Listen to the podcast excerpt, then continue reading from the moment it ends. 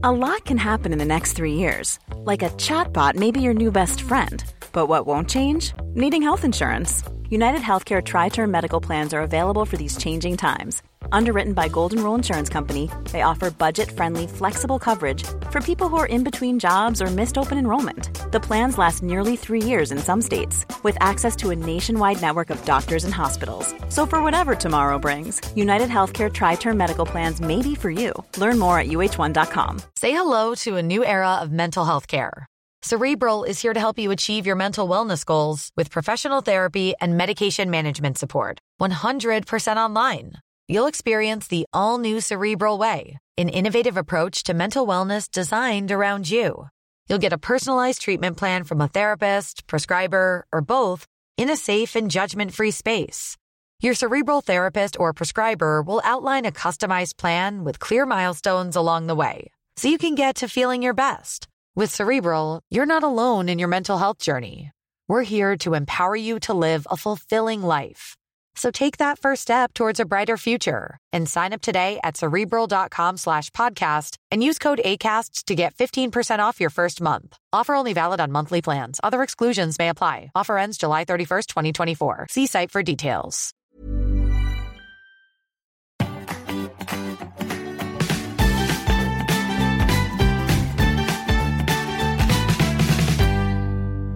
Hei og velkommen til en ny episode av Foreldrekoden. Vi skal snakke om identitet vi i dag, og jakten på jeget. Hva i huleste betyr identitet? Hva har det å si for barnas utvikling? Og hvordan bør det påvirke barneoppdragelsen? Hedvig Montgomery, hvis jeg spør deg, hvem er du? Og vet du hva? Det er et så vanskelig spørsmål, og jeg skulle ønske at jeg hadde et kjempeenkelt svar på det. Men jo eldre jeg blir, jo mer i tvil er jeg. Så hvem er jeg, er kanskje et av de mest grunnleggende spørsmålene vi har. Eh, og prøv å stille det deg selv, og kjenn hvor vanskelig det er å svare på. Samtidig så begynner jeg å fomle meg frem til hva det er for noen ting som holder meg oppe, hva det er for noen ting som identifiserer meg. Og jeg havner jo ofte på de tingene jeg gjør, og de menneskene jeg har rundt meg. Og det er en interessant ting. Vi har lett for å undervurdere hva disse tingene som er rundt oss, har å si for hvem vi er, og hvordan vi reagerer. For det er også en del av identiteten? Hva som er rundt oss, og hvor vi kommer fra? Ja, det pusser jeg. og jeg har jo hatt gleden av å jobbe med folk som eh, søker TV-oppmerksomhet. Uh, og de har jo en, en, ting de ofte sier, nemlig 'jeg skal bare være meg selv'. Ja. ja. Det høres jo ut som dette er svaret på identiteten. Uh, men sannheten er at det å være seg selv krever at noen ting rundt deg er på plass. De tingene som gjør at du tikker og går. Og tar du bort dine venner, dine fortrolige, din musikk, dine aktiviteter, så vil du oppdage at vi alle sammen står ganske ribbet igjen. Nettopp. Vi skal se litt på barna, hvordan barna orienterer seg i dette eh, litt eh, vanskelige landskapet. da. Og Da jeg researcha litt i denne episoden, så oppdaga jeg at det finnes et eget punkt om identitet i Barnekonvensjonen. Det visste jeg ikke, jeg òg. Altså, Barnekonvensjonen er denne verdensomspennende avtalen som sier noe om barns rettigheter. I artikkel 8 så står det alle barn har rett til en identitet. Men hva betyr det da for barn? Og Det er et godt spørsmål, fordi identiteten har nemlig to deler. Og vi skal snakke litt om begge delene i dag, håper jeg. i hvert fall. Eh, den ene delen det betyr, eh, handler om, det er hvor kommer du fra? Hvilken tilhørighet har du ut ifra hva slags familie du er født inn i, hva slags samfunn du er født inn i, religion, kultur, klasse. Altså disse tingene som er vi, sånn som vi i generasjoner har vært i vår familie. Og så har du den andre delen av eh, identitet som jeg tenker er litt tuner-delen. Altså der hvor du fintuner og stiller inn litt. Som handler om hvilke valg jeg gjør. Hva er det jeg søker mot? Hva er det jeg føler meg hjemme i? Gitt den bakgrunnen jeg har. Så det er todelt? Det er veldig todelt. Og hva er det for noe dette betyr for barn? Jo, barn trenger både å vite noe om hvor kommer jeg fra, hva er mine røtter, og de trenger å vite hva kan jeg strekke meg inn i, hvilket lys kan jeg søke. Ja, men når jeg tenker tilbake på egen barndomsmaxis, er ikke jeg så sikker på at jeg ble liksom så veldig opplyst om, eh, om dette, egentlig. Altså, hvor, hvor, mye skal man liksom dynge på barn av historikk og røtter? Ne, og Det er jo interessant, fordi dette er veldig forskjellig fra familie til familie. Noen familier har veldig mye overlevering av tradisjoner, og veldig uttalt overlevering av tradisjoner. Spesielle ritualer, måltider, eh, kirkebesøk eller tro. Altså veldig tydelige markører på at sånn lever vi. Alle andre gjør ikke det. Vi har en veldig tydelig forståelse av dette. I noen familier så lever familiehistorien veldig levende.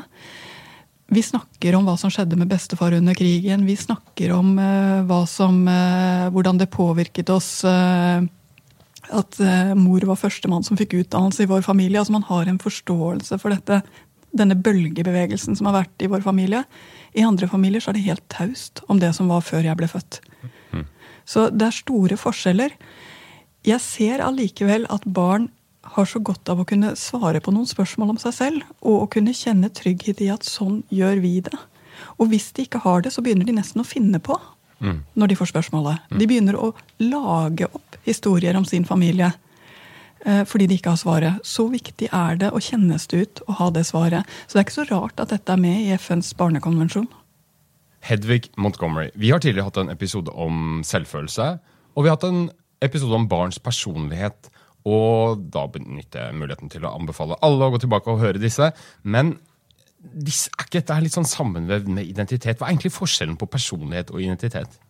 Personlighet eh, snakker vi om som om det er eh, noen ting som handler i første rekke om din genetikk som møter verden der ute. Mm -hmm.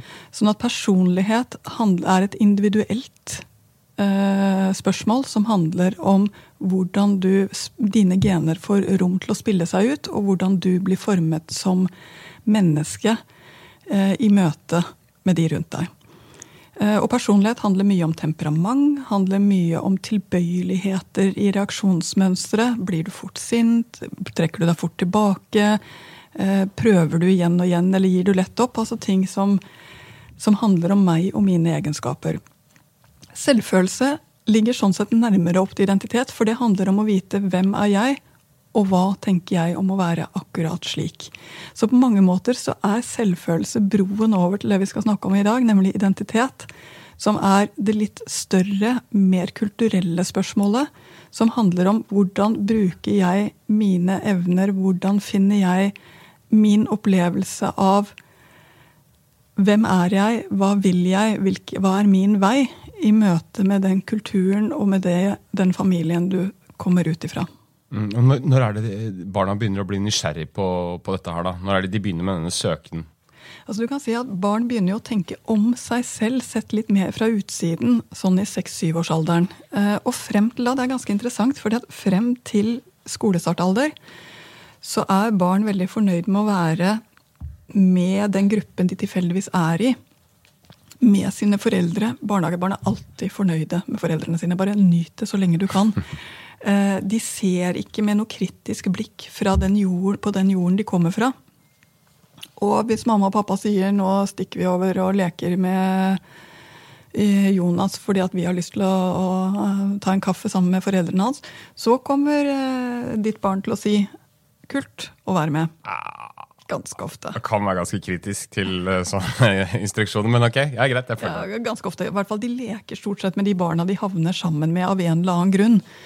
Uh, så jeg er enig i at det er ikke alle ideer som er gode, og som de sier ja til. Men, men de finner seg i den type plasseringer. Vi ser at når de kommer opp i 6-7-årsalderen, så begynner det å skje noen ting. De begynner å være litt mer kritiske til uh, om de ikke har litt bedre fredagstaco i Jonas-familien enn det dere har hjemme hos dere. De begynner å tenke at uh, når de kommer opp i 8-9-årsalderen, at Fredrik spiller fotball, og det gjør jeg også, men egentlig så er ikke jeg noen fotballgutt. Plutselig begynner de å snakke om seg selv på den måten. Uh, de kan si at Lise liker så godt å gå i rosa, for hun er sånn rosajente, mens jeg er mere Plutselig begynner de å sammenligne, plassere seg i forhold til hverandre og uttrykke det med ord. Og du begynner å bli litt sånn Oi, hva er det for noe som skjer? For det begynner å vokse frem noen ting foran blikket ditt. Mm. Det begynner å vokse, altså et, et, menneske begynner å tre frem på en helt ny måte. Du kan bli ganske overrasket over hva som viser seg akkurat i disse årene i 10-11-årsalderen. Eh, det er litt eh, dramatisk i den forstand at du kan begynne å skjønne at eh, de vil noe annet enn det du trodde. Mm. Det er litt dramatisk i den forstand at de er nybegynnere på det. Så de er litt klønete. De er klønete på å velge seg venner, de er klønete på å finne den sosiale gruppen. Men det er fortsatt kontrollerbart, tror jeg de fleste foreldre Gi et eksempel på det. Altså, Jo, for du jeg kan f.eks. Eh, tenke at eh, Trine har jo alltid lekt så godt med Lise. De har jo vært bestevenner siden vi eh, mammaer gikk og trillet dem etter barseltreffene. Hvorfor Og så plutselig så, så sier Trine noe som sårer Lise. Lise blir kjempelei seg, sier noe enda mer sårende tilbake enn til Trine. Og Trine sier det er ikke vi som er gode venner. Det er dere som er gode venner. Eh, og ikke bare har de gjort hverandre eh, vondt, men du begynner også å se at Trine begynner å velge seg venner ut ifra andre hensyn enn det du trodde. Og det du har tenkt, nemlig at de stabile vennskapene du har etablert for henne, de skulle vare livet ut, helt frem til sykehjemmet. Nå kan du begynne å finne ut at det kanskje ikke kommer til å bli slik. Det kan være at Trine kommer til å leke med andre i årene som kommer. Mm. Og så kommer man opp i tenåra, og da begynner man eh, Det blir nesten litt sånn hva med venner-aktig. Men sånn identitetssøken er vel typisk tenår, eh, er det ikke det? Jo, altså du kan si at Det som skjer eh, i tenårene, da, da begynner denne kløen virkelig å komme. Hvordan skal jeg være? Finnes det noe plass for en sånn som meg? Eh, hvor er min plass? Og de trenger litt brytning, litt konflikt, for å finne dette her som de har lyst til å finne. De leter etter dette her i motsetning til noe annet, ikke nødvendigvis med noe annet. Og hvem er det de da går stort sett i motsetning til? I større eller mindre grad, mer eller mindre dramatisk. Men jeg tror nok at alle som har en tenåring, har vært igjennom akkurat denne perioden her. Plutselig så skjer det noe nytt. Plutselig så begynner du å få spørsmål. Må vi ha det sånn? Eh, stemmer du virkelig på det? Eh, dusjer du så lenge? Er du klar over hva det gjør med miljøet? Eller? Ja. altså, du begynner å få et, et kritisk blikk på deg som forelder. Og det, det kan jo kjennes ganske uvant ut, for her har du følt deg trygg med dette mennesket her fullstendig i 12-13 år, og du har kledd deg naken uten å tenke at det gjør noen ting.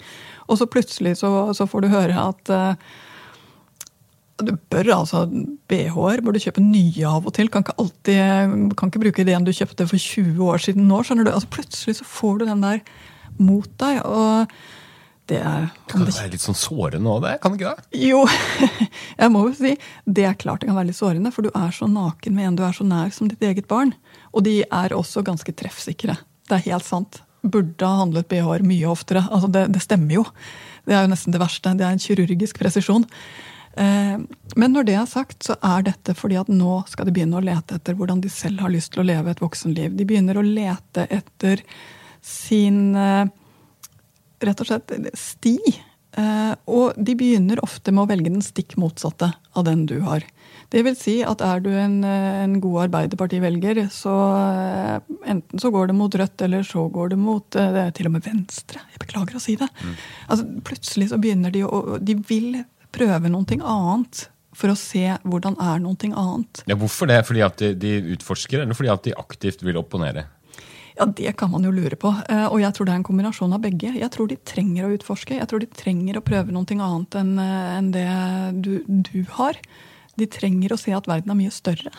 Og så er det én ting til, og det er at den der konflikten de selv skaper, lager en diskusjon.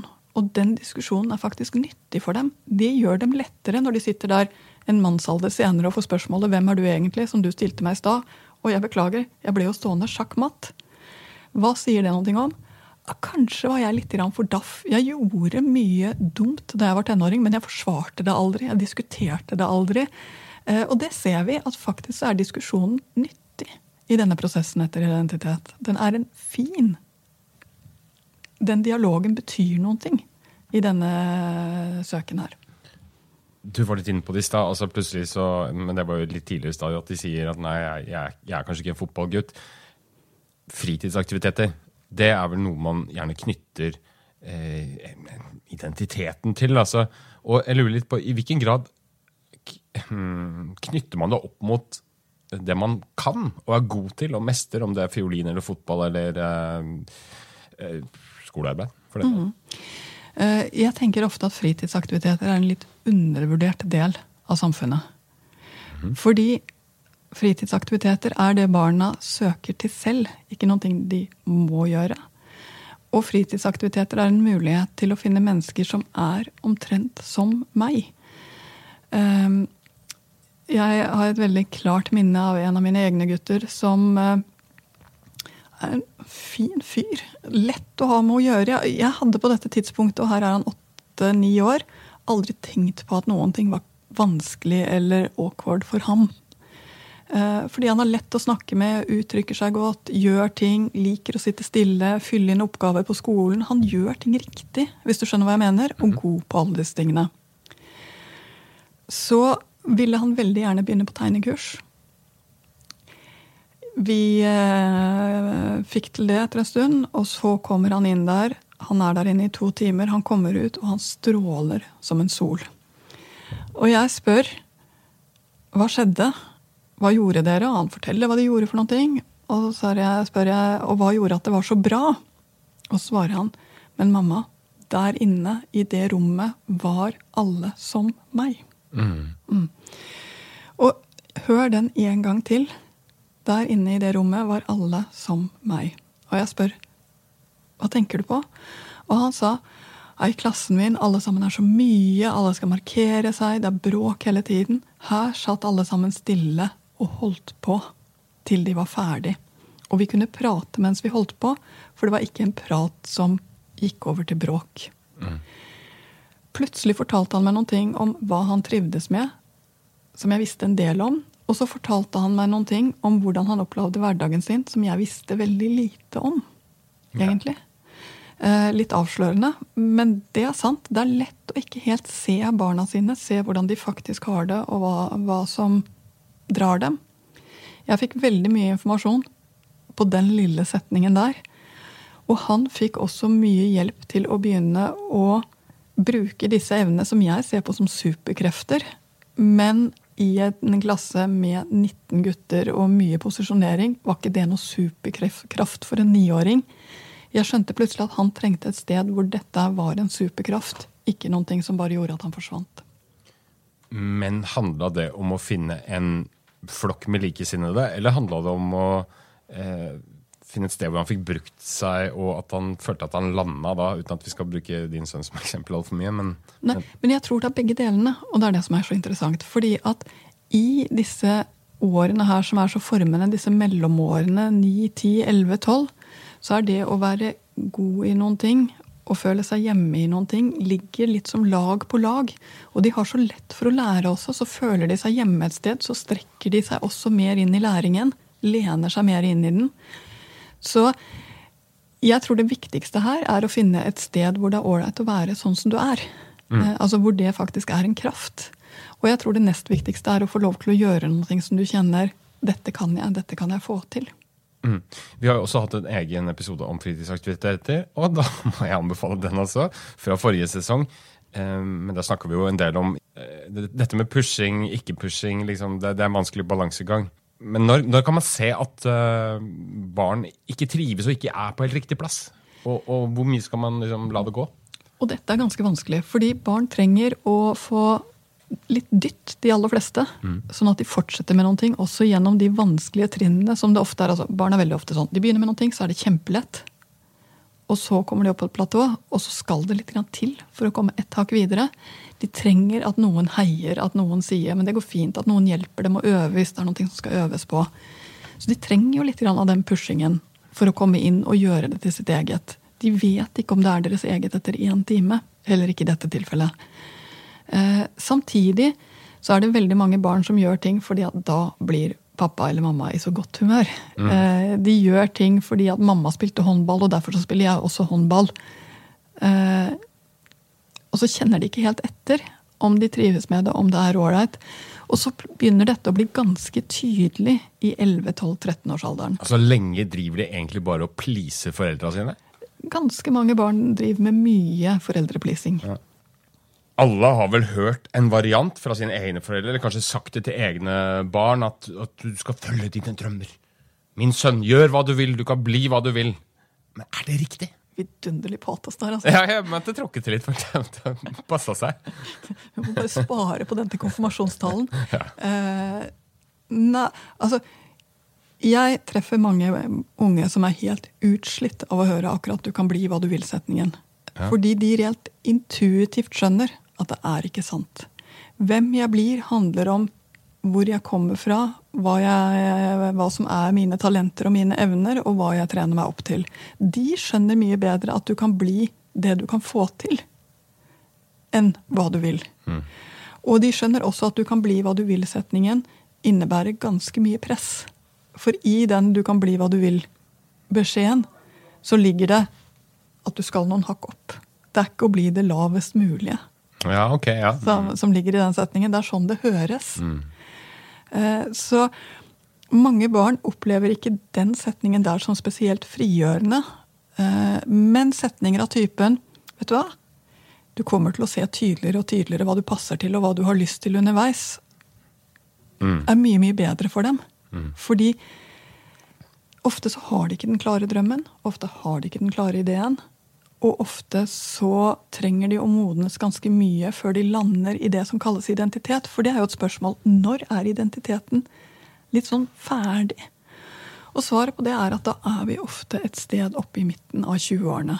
Og når, altså Så seint. sent. Så seint. Og når du begynner å tenke tilbake igjen, når var det du virkelig begynte å føle deg som deg selv, som en du lett kan identifisere deg med, og, og si ja, det var meg?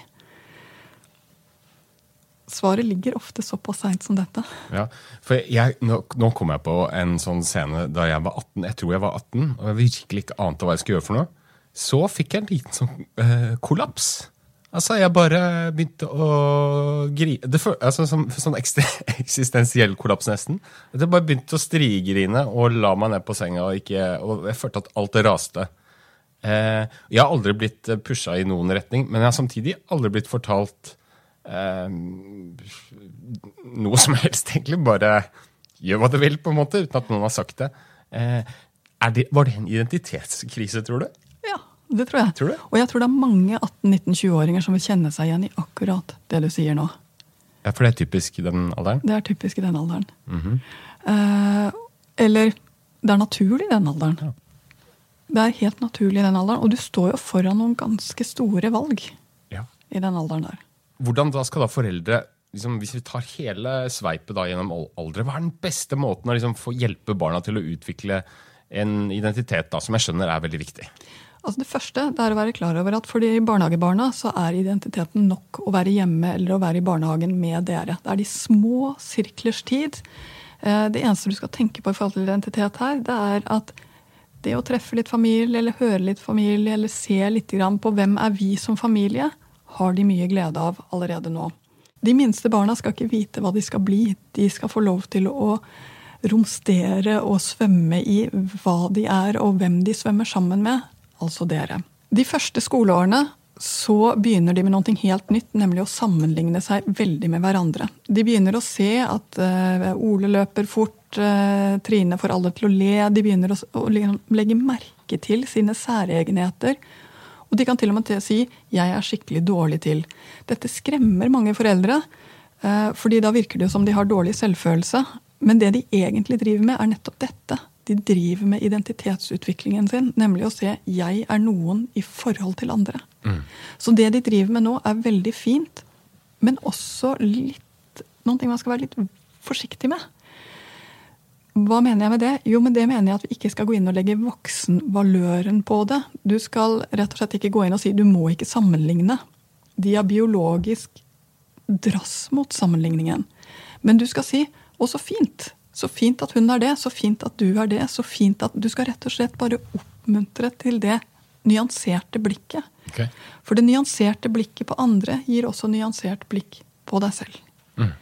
Så her er, skjer det noen ting som eksploderer litt grann i tiårsalderen, som gjør at vi får også så mye som skjer sosialt i tiårsalderen. Ja, For da er det drama på gang.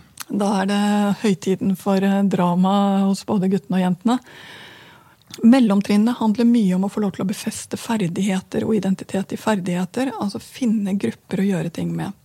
Fritidsaktiviteter er utrolig viktig. Jeg har prøvd litt forskjellig, sånn at du får lov til å finne det du trives med i disse årene her. Betyr mye. Det er noe av det beste vi kan gjøre for barna her. Men fortsatt så er hjemmet viktig. Fortsatt så er det viktig å gjøre ting sammen. Identitet handler mye om sammen. Mm. Jeg bare lurte litt på, for i dette har vi snakka litt om før, men i dette, det er verdt å repetere. fordi at eh, i den alderen her så, så begynner de å bli ganske sånn sipe mot hverandre. Eh, og baksnakke og klikkedannelser og den slags. Mm. Og da er det veldig vanskelig å ikke liksom gripe inn med en voksenstemme. Hvordan skal man egentlig mm, snakke med dem om det? Ved å være ganske ærlig og tydelig. Du, når du snakker sånn om Lise, blir hun lei seg. Okay. Hun er her ikke, men på et eller annet tidspunkt får hun høre det. Det blir kjipt. De trenger helt sånne tydelige dytt i hva kan vi gjøre, og hva kan vi ikke gjøre. Mm. Eh, men de trenger det uten fordømmelse. Ja. De trenger det rett og slett bare som en sånn Du, hører hva du driver med, men ikke gå dit. Mm. Videre opp i tenåra, hvordan skal man håndtere når man begynner å få disse kritiske blikkene på seg og kommentarer om om bh og uh, uformelige bukser og, og, dårlig skjegg, eller hva det nå må være. Ja. være. Du begynner å forberede deg, hører jeg. Ja. Uh, I denne tiden her så er det viktigste å ikke ta det personlig. Det er som det er. Uh, I denne alderen her skal du vite at det de driver med, er ganske fint, nemlig å lete etter hvem jeg er. Og et av de viktigste identitetsspørsmålene som skjer i tenårene, er seksualitet. Hvem er det jeg dras mot? Hvem er det jeg har lyst på? Hvem er det som uh, liker meg? Dette er helt kjernespørsmål for å finne identiteten sin i uh, ungdomsårene. Og de er overhodet ikke ferdig med det. De trenger at det ikke blir satt for kraftig lys på, fordi at de, skal få lov til å spire litt uh, i fred. Litt som tomatplantene dine som du snakket om før vi startet de hadde fått lov til å stå litt i fred og ikke fått så mye av din pleie. Og plutselig gikk det mye bedre med dem. Så akkurat noen ting her skal vi ikke be ungdommen om å vise frem før de er klar for det. det dette tror jeg det er mye mer komplisert enn det jeg sier, hører jeg nå. fordi i disse årene her så driver de og prøver ut forskjellige identiteter. Forskjellige klesstiler, forskjellige måter å snakke på eh, forskjellige vennegjenger. Og det er helt vanlig. Det viktigste vi gjør som foreldre i denne alderen, her, det er å holde kontakten, ikke frike ut. Ikke bli helt gærne av at disse tingene skifter litt. Og så la dem få lov til å finne sin vei og lande, for det gjør de. Eh, eh, men det er jo veldig vanskelig ofte, eh, forestiller jeg meg, å ikke kommentere ting når, som helt sånn outrerte klær og plutselig sminke på gutta, f.eks., eller sånne ting. Altså, hva, skal, skal, man skal ikke gjøre det, altså.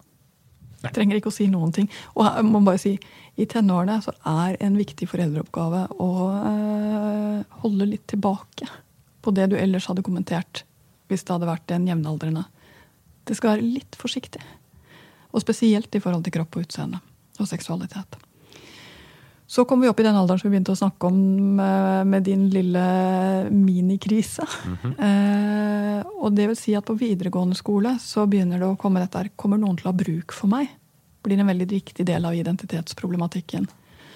Og jeg tror det beste, et, En av de verste tingene som har skjedd i samfunnet, er faktisk at det ikke er noe bruk for eh, de, de, som er sent i tenårene. Vi har ikke så mye bruk for dem på arbeidsmarkedet. Det er ikke så mange sommerjobber lenger. Det gjør det enda tøffere å være i den alderen nå enn det det var før. For egentlig er dette en alder hvor de trenger å gå ut og være til nytte med det de har funnet frem til nå. Så det å se om det finnes noen steder hvor, eh, hvor, det går an å gi den følelsen, få den følelsen, få liksom de musklene. For nå er det muskler som skal bygges. Hvem er jeg, og hvordan skal jeg bruke det? Mm. Eh, I svarte stunder kan jeg eh, spørre meg ganske ofte om det er noen som har bruk for meg den dag i dag. Eh, betyr det at jeg ikke har identiteten min helt på plass ennå, eller hva? hvordan ligger det an? Må du bare sende meg en tekstmelding. skal Jeg skrive at du er uvurderlig og uerstattelig.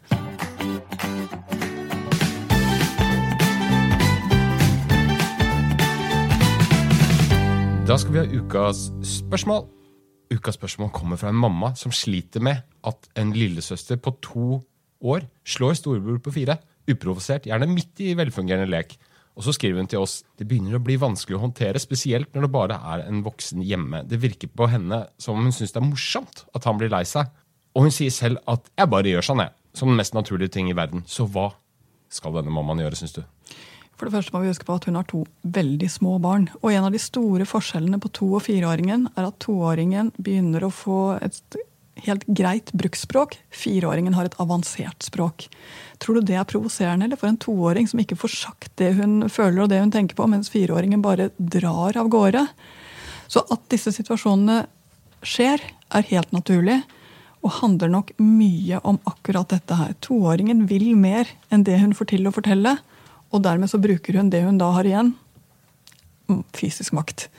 Eh, og det er ganske effektivt eh, å slå på veldig kort sikt. Den gode nyheten er at dette kommer til å endre seg, og det kommer til å endre seg ganske snart. Det beste dere kan gjøre nå, det er eh, rett og slett å, å fòre språket. Lese, synge regler. For begge barn, egentlig, men det er toåringen som kommer til å ha størst nytte av det. Så er det andre.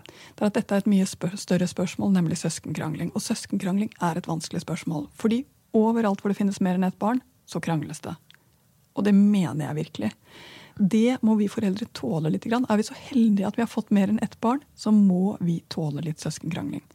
Samtidig så er søskenkrangling det er ikke akkurat noe man trenger mye av, og det kan bli skikkelig stygt. Så det er noen ting å tenke på å håndtere søskenkrangling som egentlig handler om dette. Det ene det er legg til rette for at, ikke, at, det ikke blir unødvendige konflikter, og oppdag det litt tidlig når ting tikker i feil retning, hvis du kan. Det er helt, helt greit å komme tidlig inn, ofte ganske enkelt. Eh, det er mye vanskeligere når det har dratt av gårde. Det andre det er når det har dratt helt av gårde. Du skal være mekler, men aldri dommer. Når, barna, når du kommer inn som dommer og sier 'nå bare bestemmer jeg, du får bamsen, du får den ikke', så får barna ikke løst noen ting, og det kommer til å bli enda styggere neste gang de krangler. Hvis du kommer inn og sier 'dere er to, bare én bamse, jeg vet ikke hva, hvem av dere som har rett', men nå tar jeg bort bamsen, og så kan vi snakke om det etterpå', da har du gjort noe som gjør at de begge to kan bevare ansikt, at du ikke har eh, skapt en vinner og en taper. Og du kan lære dem å snakke. Du, Hva var det egentlig som skjedde i stad? Gi begge to litt plass til å svare på spørsmålet. Men ikke ta det når de er opprørt. Det må være etterpå. Men disse barna her er jo veldig små, og vi la ut denne, dette spørsmålet også i den Facebook-gruppa vi har. Eh, og det skapte ganske frisk diskusjon der inne. Noen mente at såkalt timeout var måten å gjøre det på. Altså en slags straff i form av å plassere barnet på et annet rom i trappa eller i x antall minutter. Eh, man må slå hardt ned på slåing, som en sa. Noen andre eh, reagerte veldig på dette og mente løsningen bare var å løfte henne vekk fra situasjonen uten straff, mens man liksom trøsta storebroren her. da. Og andre igjen mente det beste var liksom å bare overse det og heller fokusere på det positive. Se så fint de lekte sammen nå, eh, før dette skjedde. Hva er riktig metode? Altså Nå må jeg si at jeg skulle ønske at jeg hadde et kjempeenkelt svar på dette. Men svaret på dette er det er ingen som har gjort noe galt i denne situasjonen. Og det betyr at det heller ikke er noen straff som skal gjøres i denne situasjonen. Heller ikke på hun som slår. Hun som slår, slår fordi hun ikke har språk for det. Jeg hadde, når jeg så dette, så hadde jeg eh, kommet inn og sagt åh, kom du dit nå? At det var mer inni deg enn du fikk ut? Og så hadde jeg tatt henne bort. Akkurat sånn som eh, noen av leserne her eh, foreslår. Og så hadde jeg passet på at det er alenetid nok med begge barna hver for seg på andre tidspunkter. For veldig mye av søskenkranglingen handler jo tross alt om din oppmerksomhet. Og om å få den oppmerksomhet. Så pass på at ikke storebror blir den stadige taperen her, fordi han er stor og burde forstå. Han trenger også egentid og egen kos. Um, det høres kanskje rart ut, men det er veldig lett å forvente for mye av de store. Og det er veldig lett å alltid være enig med den yngste. Eller motsatt, alltid bli sur på den yngste fordi hun skjønner jo ingenting. Begge disse delene er urettferdig, fordi de er akkurat der de skal være i forhold til sin egen utvikling. Jeg tolker litt dit hen at du mener at man egentlig bør overse litt mer, og ikke dramatisere opp enhver eh, situasjon og gripe inn og tenke at noe er gærent eh, med barna fordi at noe uønska skjer? Er det riktig? Mm. Eh, jeg tror at man ikke skal overlate dem til seg selv og si nå kan dere bare slåss til dere er ferdig. Eh, det er ikke så klokt med en to- og en fireåring. Men med en toåring i hus så kan man egentlig aldri helt ta bort blikket fra hva toåringen gjør. Hun eh, river ned ting eller putter ting i munnen eller gjør andre ting som er feil, veldig veldig fort. Så toåringen trenger at du er i nærheten, også i disse situasjonene. Og at du forstår, eller at du rett og slett har en kunnskap nok om henne til at du skjønner at nå gikk dette gærent for henne, uten at vi skjønte det virket som det kom ut av det blå. Det var nok ikke så ut av det blå som det vi tenker her.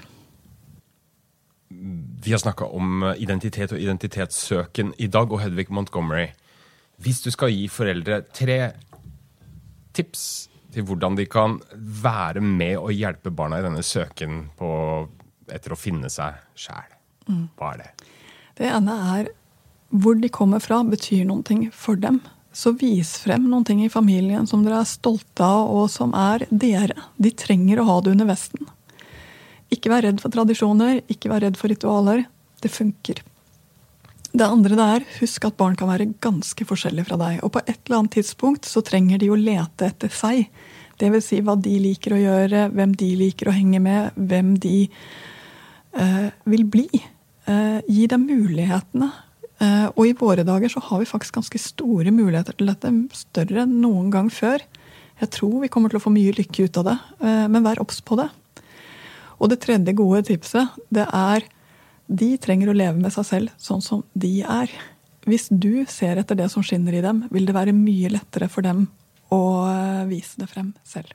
Og hva er det verste foreldre kan gjøre? Det verste som kan skje, er faktisk at du skammer deg over barnet ditt og det han eller hun er. Og det kan være så mange grunner til at dette kommer vanskelig inn i historien deres. Kanskje noen ting om eh, hvordan dette barnet ble til, eller kanskje noen ting om eh, hvilke sider dette barnet viser som du ikke trives så godt med. Du er nødt til å forsone deg med det barnet du har fått.